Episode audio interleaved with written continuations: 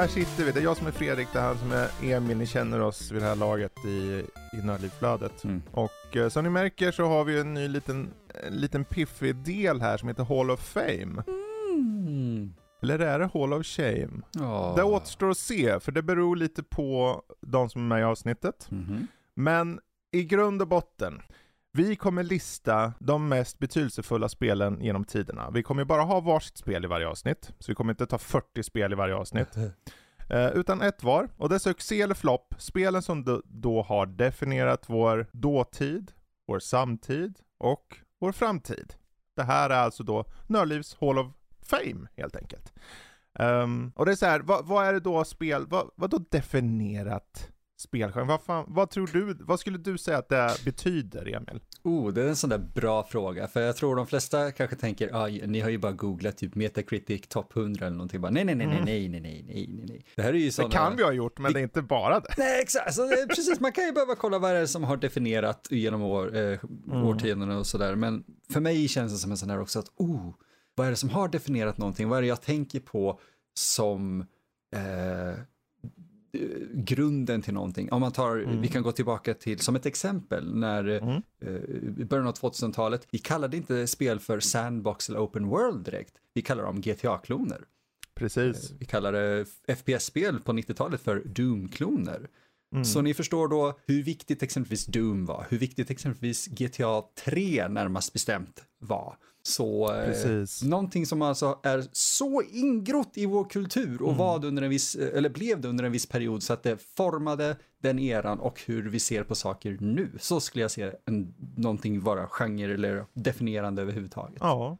Ja men precis så. Och sen är det ju såklart, den personliga aspekten är ju hur du i den tiden blev eh, påverkad av spelet i fråga. Mm. Eh, vilket vi såklart måste också gå in på för att jag tror det stora, eller i alla fall idén här nu, att i och med att vi har olika personer från olika tidsspann i det, att vi, vi har olika åldrar i nördliv, för det kommer vara nördlivsmedlemmar med här. Så är det intressant att se, vad har då definierat en person som är yngre mot en som är äldre? Eh, eh, kan det spel som definierar den äldre personen ha gett eh, ringar på vattnet som faktiskt är det spel som är definierat även för den yngre? Förstår ni? Mm. Det kan vi först se när vi pratar om det. Och idag har vi två spel. Jag kommer ta ton först tänker jag. Absolut. Mest för att jag är stor i mun. Ehm, och det är ett spel från 2000 som heter Deus Ex. Eller Deus Ex. Jag vet inte vad man säger där riktigt men... eh, Jag tror det, eftersom det är latin så borde det vara Deus. Deus ja, ex. visst skulle det vara det va? Ja. Gud i eller vad det blir. Ja. Ja, exakt. Ehm, ja, det är ju mycket just på grund av, det är många aspekter till varför jag valde just det här först, men det är ett spel som potentiellt fler kanske känner till. Det kom ett par eh, lite senare uppföljare på det här. Ehm, men det här spelet i sig kom då 2000. Alltså det här är 22 år sedan nu. Shh, säg inte så. Och eh, leddes av Warren Spector som bland annat gjorde System Shock-serien och lite annat smått och gott. Eh, men jag tror det som definierar just det här spelet och varför jag tar upp det, jag vet inte, du får säga, vad, det skulle vara intressant att höra vad du eh, tycker om det, men det var framförallt val som stod ut och hur du tar an nivåer. Det här är alltså ett första personspel i en slags cyberpunk-liknande dystopi i framtiden. Du spelar som en agent som hela tiden augmentar sin kropp och sätter in olika saker. Och så här, ju mer du sätter in alltså cybernetiska implants liksom, desto mindre mänsklig blir du. Och hur resonerar det med din karaktär? Hur resonerar det med dig som spelar? Och jag tror för mig var det så här, när jag började spela det här, för det här var precis efter Half-Life 2, mer eller mindre. Jag hade inte kört så många spel, men Half-Life 2 var den stora snackisen. Vem vet, vi kanske kommer till den i en annat avsnitt. Men då var det så här, man började leka med just konceptet av, okej, ett spel behöver inte bara vara sin spelmekanik, som att Pong är Pong. Det är, inte, det är inte berättelsen om Pong och hur han blev en boll, jag vet inte fan, en fyrkant, en rektangel, vad fan han är. Utan det är bara Pong. Men Deus Ex, när det kom, var så här, okej vi ger dig inte bara en värld, vi ger dig massor med val att påverka världen. Och när du väl då besöker, säg den kändaste platsen är ju Frihetsgudinnan i början av spelet, där du då ska penetrera. Nej. Nej. när du ska ta dig in eh, på en specifik plats och du, du väljer själv väg. Och det här så här i efterhand tänker man, ja men det är väl inte, vad är grejen? Det finns väl hur många spel som helst som har jättemånga olika vägar att nå ett mål. Eller ha liksom val i dialoger som påverkar, kotor och så vidare. Mm. Men 2000 var inte det här särskilt nytt. Eller gammalt, eh, snarare väldigt nytt. Så att för mig var det en så här aha-upplevelse när jag körde det här. Att jag bara satt, jag satt så här, det här är helt sjukt. Det var sån enorm upplevelse bara. Det var så immerse, immersive liksom. Mm. På ett sätt som jag inte hade sett förut. Och det är så här, jag vet ju att vi hade en nördlivare här för något år sedan som testade, för det kom en remasterad eller en uppiffad version av spelet. Och eh, han var mer så här, äh, det var inte så, eh. Men det är så här, som med de flesta spel, att är du med där och då, så ser du ju inte bara vad de gör för dig, du ser ringarna på vattnet sen liksom. Och just den här typen av val i spel är ju någonting som, som många spel har nästan bara ingrott i sig. Oavsett om det är val som faktiskt påverkar storyn inte. Många spel har kanske inte det, att det påverkar storyn eh, i slutändan. Men de har ändå valt att ha med det för att vi har sett det förr. Och vi såg det till exempel i Deus Ex. Så att eh, ett första personspel som betyder mycket. Men körde du Deus Ex när det kom? Inte när det kom. Nej. Och jag har inte spelat eh, jättemycket av det alls egentligen.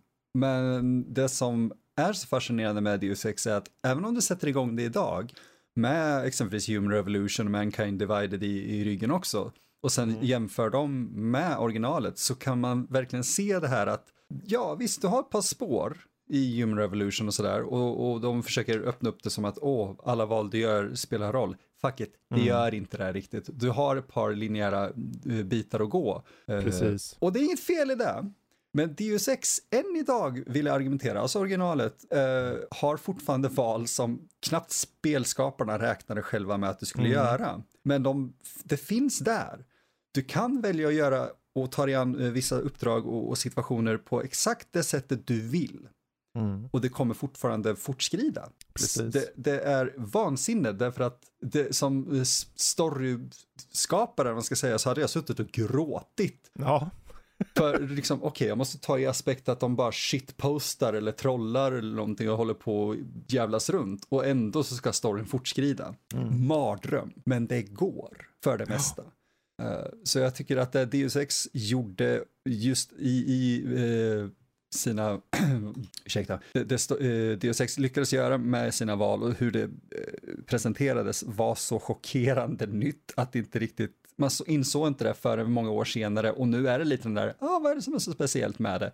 mm. Det är just att vi fortfarande sitter och pratar om det och ser dess ringar på vattnet i allt som kommer ut idag i princip. Precis, för just det här med hur du, ditt, ditt angreppssätt på, på en, i en spelsituation, när du i början då, okej ska jag stealtha? Då kan du stealtha. Vill du rollspela? Du kan rollspela. Du kan bara gå in actionmässigt och skjuta allt som rör på sig. Eh, och det är så här, i många spel så kan du det, men ofta så är det att det lutar mer åt actionhållet. Du kan stealtha, men det är, i Assassin's Creed, du kan stealtha i det, men det är skitsamma om du gör det egentligen i de Mm. nyare då. Medan här var det så här, när du gjorde stealth så fick du ut saker av det. Du kanske till och med undvek vis- vissa karaktärer som i sin tur skapade val och dialoger som du annars inte hade fått för att du hade varit bara rakt på pang, pang på rödbetan. Och just den, alltså att kunna ha allt det där i huvudet när du gör, eh, utvecklar spelet är helt mindblowing för mig. Då tänkte man ju inte, jag tänkte ju på det i den mån att wow, det känns som att det valet jag gjorde då för x antal timmar sedan, det här har gjort att jag inte kan göra det här eller att jag kan göra det här. Och sen kör man om det bara, oj, när jag körde det här och tog bara action-ruten, eller rutten, då låste jag bort det här. Mm. Ett spel som kom, alltså det är 2000, kom ihåg. Det här är 3DFX, eh, Nvidia hade, de, var- de var en bebis i, i, med en liten blöja på va? Ja, det här är ju kanske svårt för många att förstå hur enormt länge sedan det är rent, alltså i teknisk tänk, om man ska säga. Eh, idag så får man ju samma spel till multiplattformar och allting, och det här är någonting Mm. som inte hade funkat på konsol den här, vid den här tiden. Nej just det, precis. Intressant att du sa det, för jag tänkte inte ens på det. Jag vet ju att det fanns en på PS2, Mm. men för mig var det alltid, ja men det här är ju, det här är vad PC är. Idag har ju det här med vad ett spel, vad definieras ett PC-spel, vad definierar ett konsolspel eller så vidare. Det har suddats ut mer. Mm. Eh, gränserna har suddats ut, det har blivit mer tydligt. Du kan ha vilka spel som helst, men förr var det så här, det fanns begränsningar på spelkonsolerna.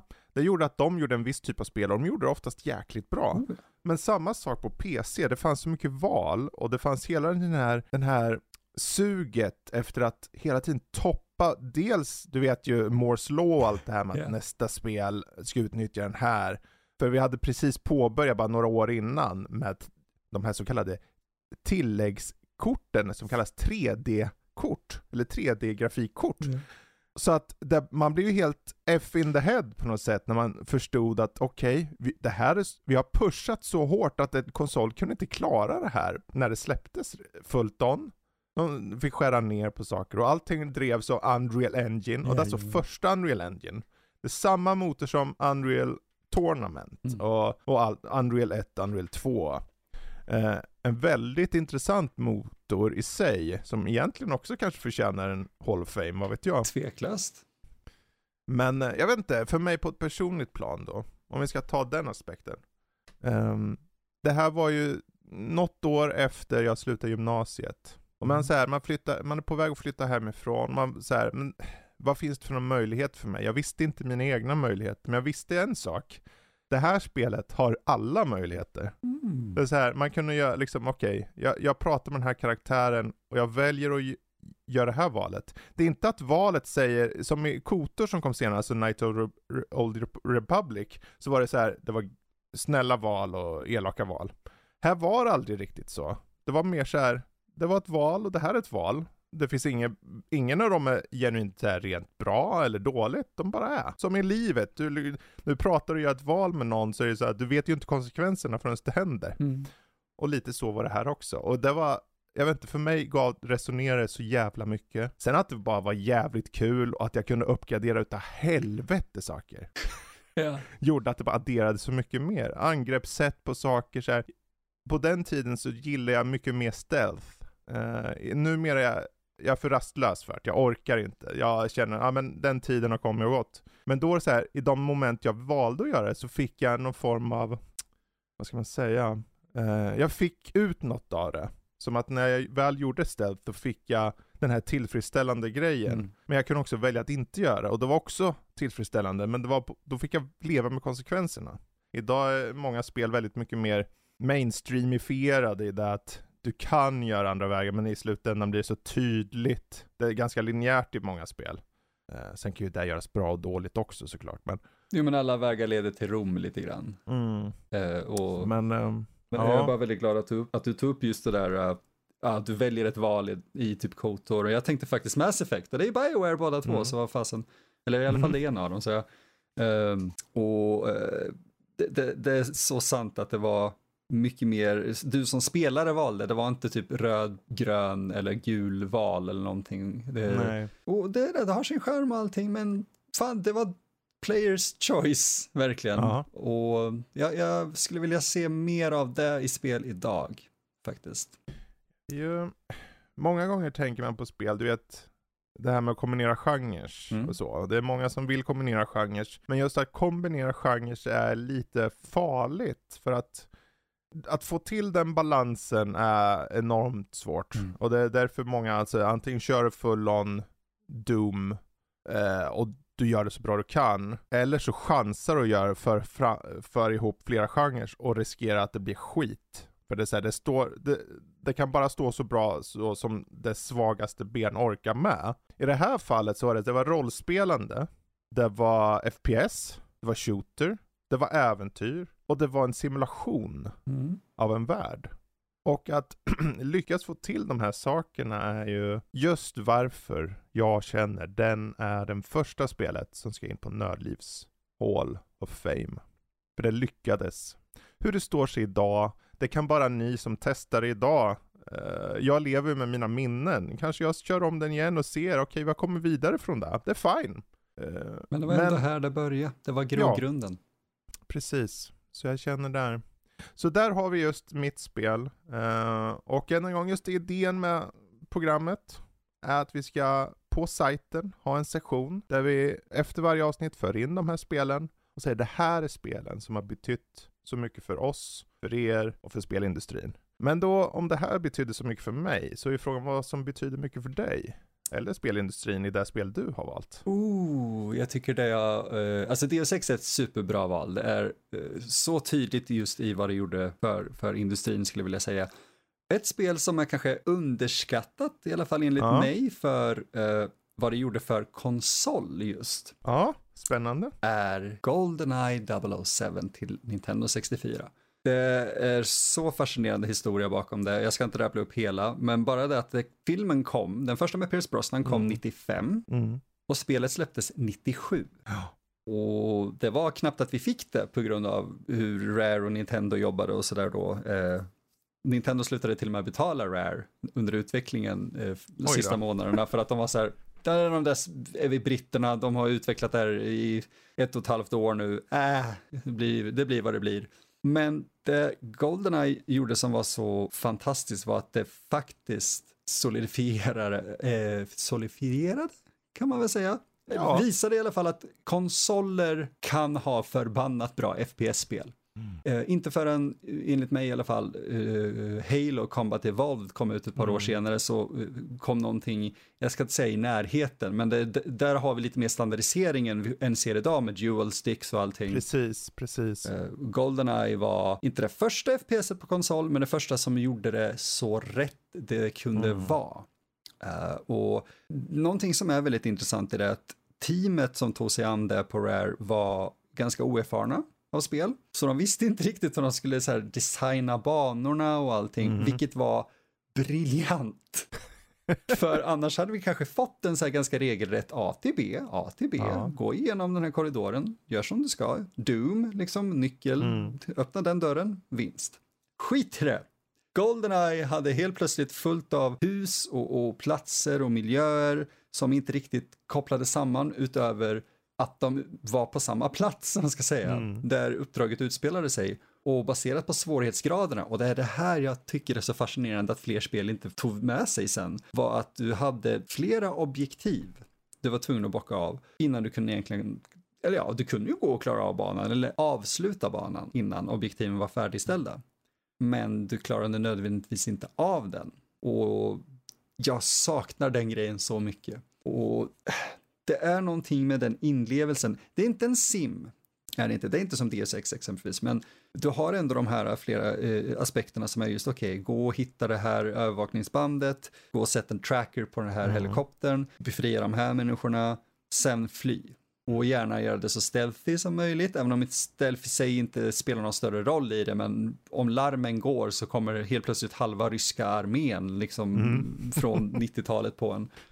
Åh nej, inte de från 90-talet. Det, alltså de, inte för att vara sån, men jag tror de kanske klarade sig bättre än nuvarande i alla fall.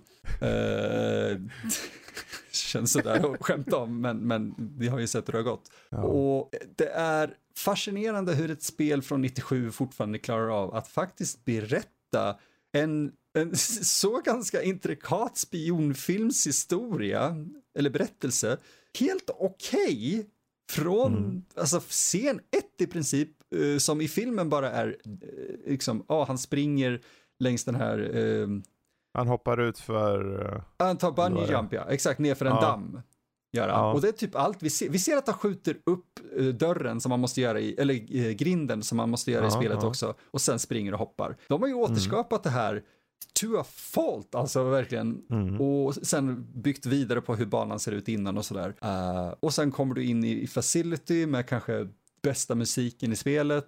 Uh, som musiken i sig är perfekt återskapad från eh, filmen, eller åtminstone vidare byggd på filmens soundtrack. Med vissa instrument och ljud som är ikoniska för, jag kommer inte ihåg vilken synt det är, men den synten som användes.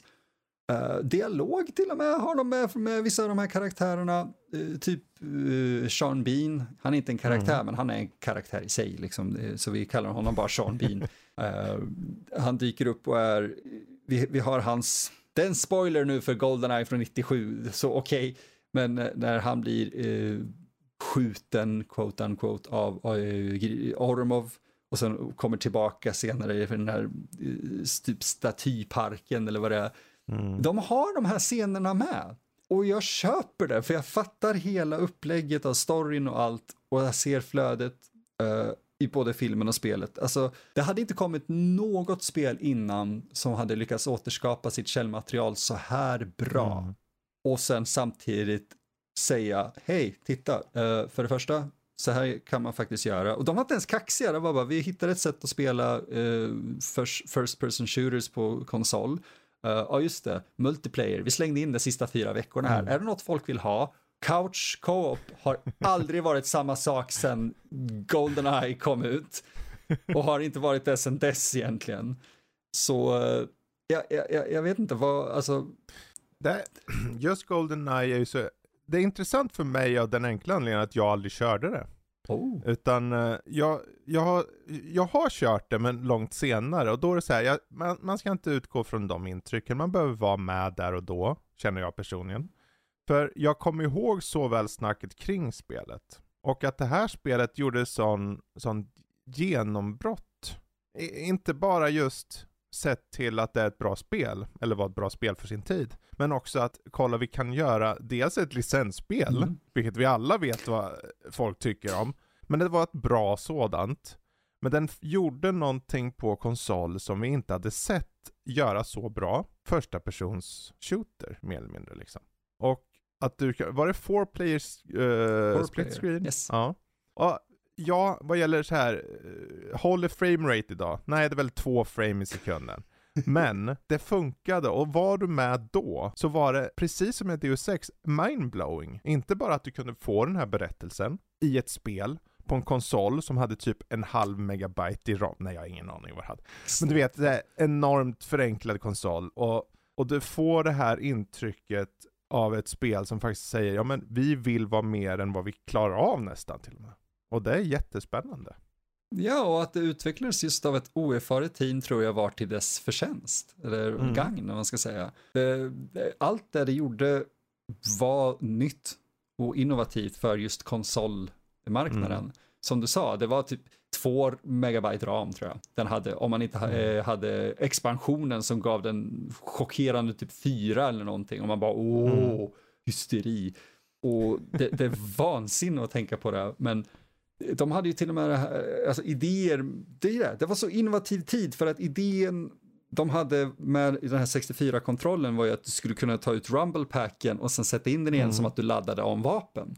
Ja, just det. Så det var ju mycket idéer de experimenterade med. Och vi ser vad som fastnar och inte. Mm.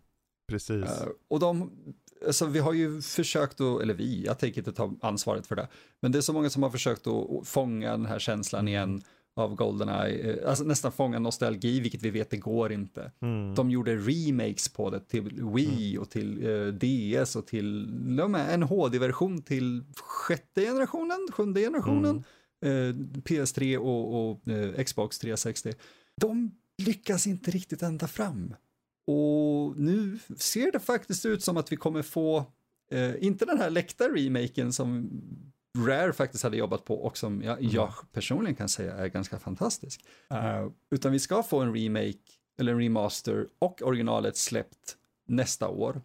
Mm. Och jag är, jag tror inte ens jag har någon av konsoler där det, det har liksom annonserats för och jag är så exalterad för det. Det är, alltså jag, jag är som ett barn känner jag. För att det här var ett av de där spelen, du vet, du får inte spela det här, det här är våldsamt, mamma säger att jag inte ens får spela det här. Och du vet, det här var det spelet vi satt och svor till som mm. sju och åttaåringar. Och bara, ah, titta den där jäveln, jag sköt honom i ansiktet, mjau, mjau, mjau, mjau, mjau. Och det var så larvigt. Men samtidigt, vi kunde skjuta hatten av folk och skjuta ja. dem i röven så de studsade framåt av smärta. Det var så kul. Men det, det jag, det jag kommer att tänka på där, för du är, uppe, du är yngre än mig. Mm. Jag var ju med på den tiden, jag kommer ihåg när det släpptes, men uh, hur gammal var du när du körde det första gången? Jag tror jag var 7-8 år. Ja, och det här var runt när då? 97, 98. Det var runt 97, mm. var, alltså var, okej, okay, fine. Jag hade vänner, du vet, vars föräldrar köpte det senaste. Ah, okej, okay, ja. okej. Okay. Men det är så här, för det, jag tror det viktiga som nu kanske kommer bli något som kommer komma gång på gång i den här serien, Hall of Fame, eller Hall of Shame i vissa fall, är just spel från slutet av 90-talet. För jag tror det här spelet och Deus Ex egentligen, för det utvecklades under 90-tal och kom ut år 2000, är just att det här är just den, den specifika tid där vi formar hur spelgenrer ska se ut. Mm.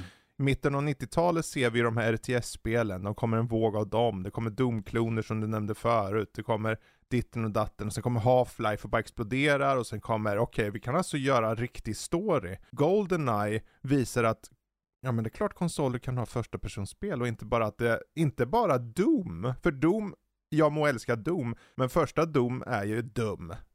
Doom! Alltså det är ju liksom, du går till punkt A, tar nyckel, går och skjuter allting så rör på sig och går vidare. Det, det, är ganska... Det är väldigt rätt fram. Det, det är effektivt, ja. men det är inte så uh, immersive sett i berättelser. Oh, verkligen inte. Verkligen inte. Så här, det är en efterkonstruktion att säga om det var en bra berättelse. För du kan hitta saker, men det, deras intention var att du ska skjuta och ha kul. Och det är fine. Yeah. Men Goldeneye exempelvis säger så här, ja men okej, vi har en film, det här ska vi arbeta på, vi arbetar på det och vi vill få den här filmen att kunna kännas i spelet. I ett spel som kommer ut 97, alltså det här är ju, det är polygoner stora som uh, snorkråkor tänkte jag säga. alltså, det är inte fel.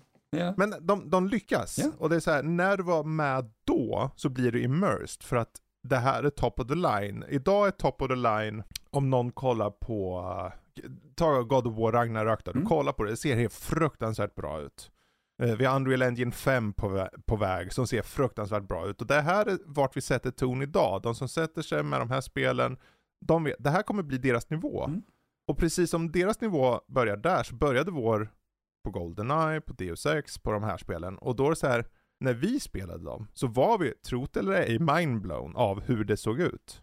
Men jag tror... Goldeneye såg fantastiskt ut för sin tid. Oh, det är klart att det går, det går att vara efterklok, ja, men ja, varför Deus 6 ser ut som tre polygoner som har sex tänkte jag säga, men det, det var lite taj. Och eh, Goldeneye ser så här ut och ditten och datten, vet. Ja, de är barn av sin tid. Men man kan inte förneka vad de har gjort. Nej, och i många fall så skulle jag faktiskt vilja eh, kaxa upp mig lite och säga att jag tycker både Deus 6 och Goldeneye gör mer jag säger inte ser bättre ut eller någonting så, men gör mer än vad många mm. moderna spel gör. Uh, jag, jag tänker inte pissa på uh, Modern Warfare 2 eller Ragnarök riktigt, men de båda kom i år, 2022, mm. och innehåller väldigt, väldigt rättframma straight forward stories egentligen. Uh, det kan man inte säga att uh, uh, Goldeneye inte heller gör exempelvis, för det är ju väldigt banbaserat. Deus Ex är mycket mm. mer öppet. Men Ragnarök tror jag inte uh, erbjuder den typen av ändå innovativ spelmekanik som Goldeneye gjorde. Och det är ganska fantastiskt, för vi har tappat mm. den Uh, det experimenterandet för att liksom, tv-spel är största uh, underhållningsmediet. Mm. Så folk vill ju optimera, det är ju det, det är pengar, det är mycket pengar som ska in. Men jag hade velat se just, fan okej, okay, vi kan leka mer med Ragnarök och vad kan vi göra mer än att mm. vi har 180 timmar spel? Och man bara, jag behöver inte Precis. det. Precis.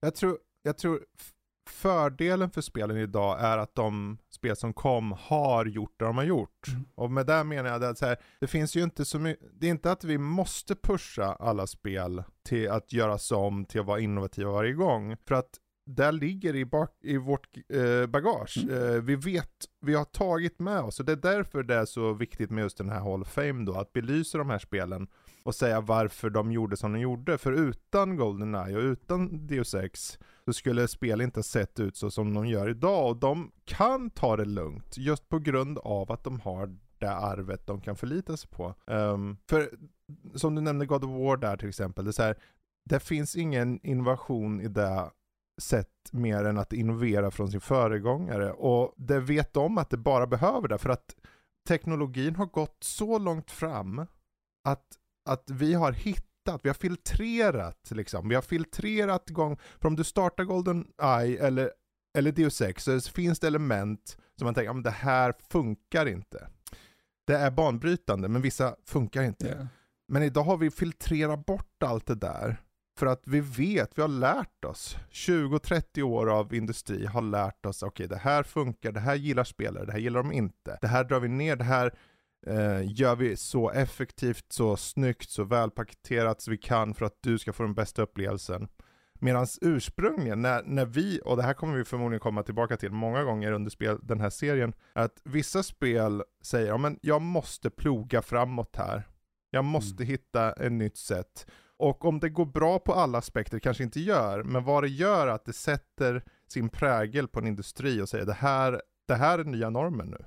För varje spel som ökar den normen så måste de nästkommande spelen, och inget spel kan ju gå tillbaka, ingen kan gå till att bara göra en, ett skitspel som inte klarar någonting liksom så. Mm. Utan alla vill bibehålla den normen och det är tack vare de här spelen. Liksom. Och det är det jag tycker är så spännande. Vi kommer ju ha säkert mängder av intressanta förslag på spel som kanske så här, ibland, nu, jag, jag tycker personligen, du har ett jättebra val och jag har ett bra val. Men det ska bli intressant att se om vi kommer någon gång med ett Hall of Fame som du säger, det här spelet, eller, vem, eller jag säger, och någon säger, hmm, är du säker på det? För då blir det lite diskussion mm. där. Ja, det kanske inte var bra att vi båda valde något vi båda vet är. Ja, vänta, du visste inte Nej, att du hade valt Goldeneye visserligen, så jag. Nej, Nej men eh, i slutändan så, för att återanknyta till varför det här lilla serien finns, mm. är för att vi vill fylla upp på sajten spelen som har betytt något för oss och för er och för spelvärlden.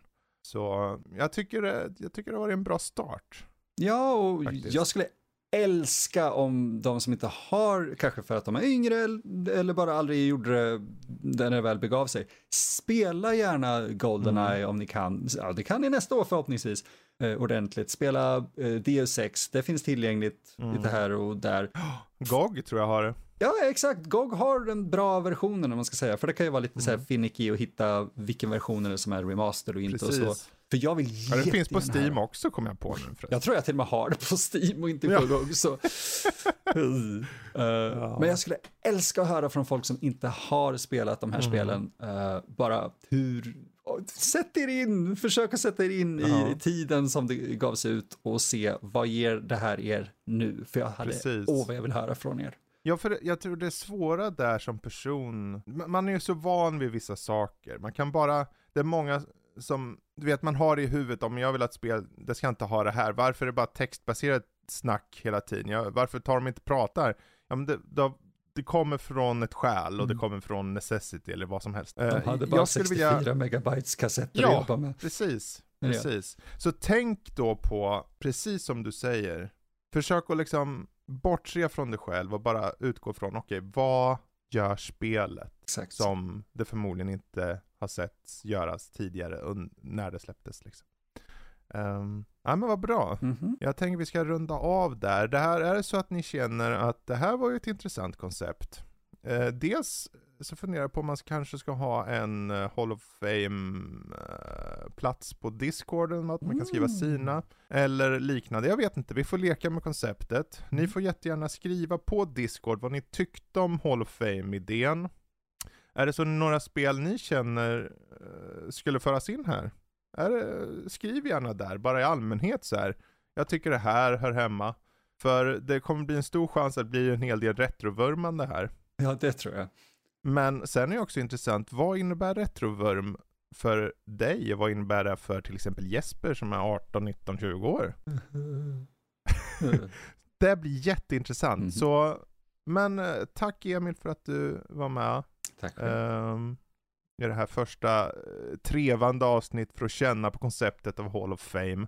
Um, och jag, jag, nämnde Hall of Shame, jag kan nämna lite snabbt att det kan komma att vi ibland har även med ett Hall of Shame. Och då är det egentligen en motsatt riktning, att det är ett spel som på något sätt har varit så fruktansvärt dåligt att det också har påverkat industrin. Och då, då hamnar det på Hall of Shame. Finns en bunt sådana också om ni inte visste om det faktiskt. Men där har vi första avsnittet av Hall of Fame. Um, ta hand om er där så hörs vi snart igen. Hej då. Hej då.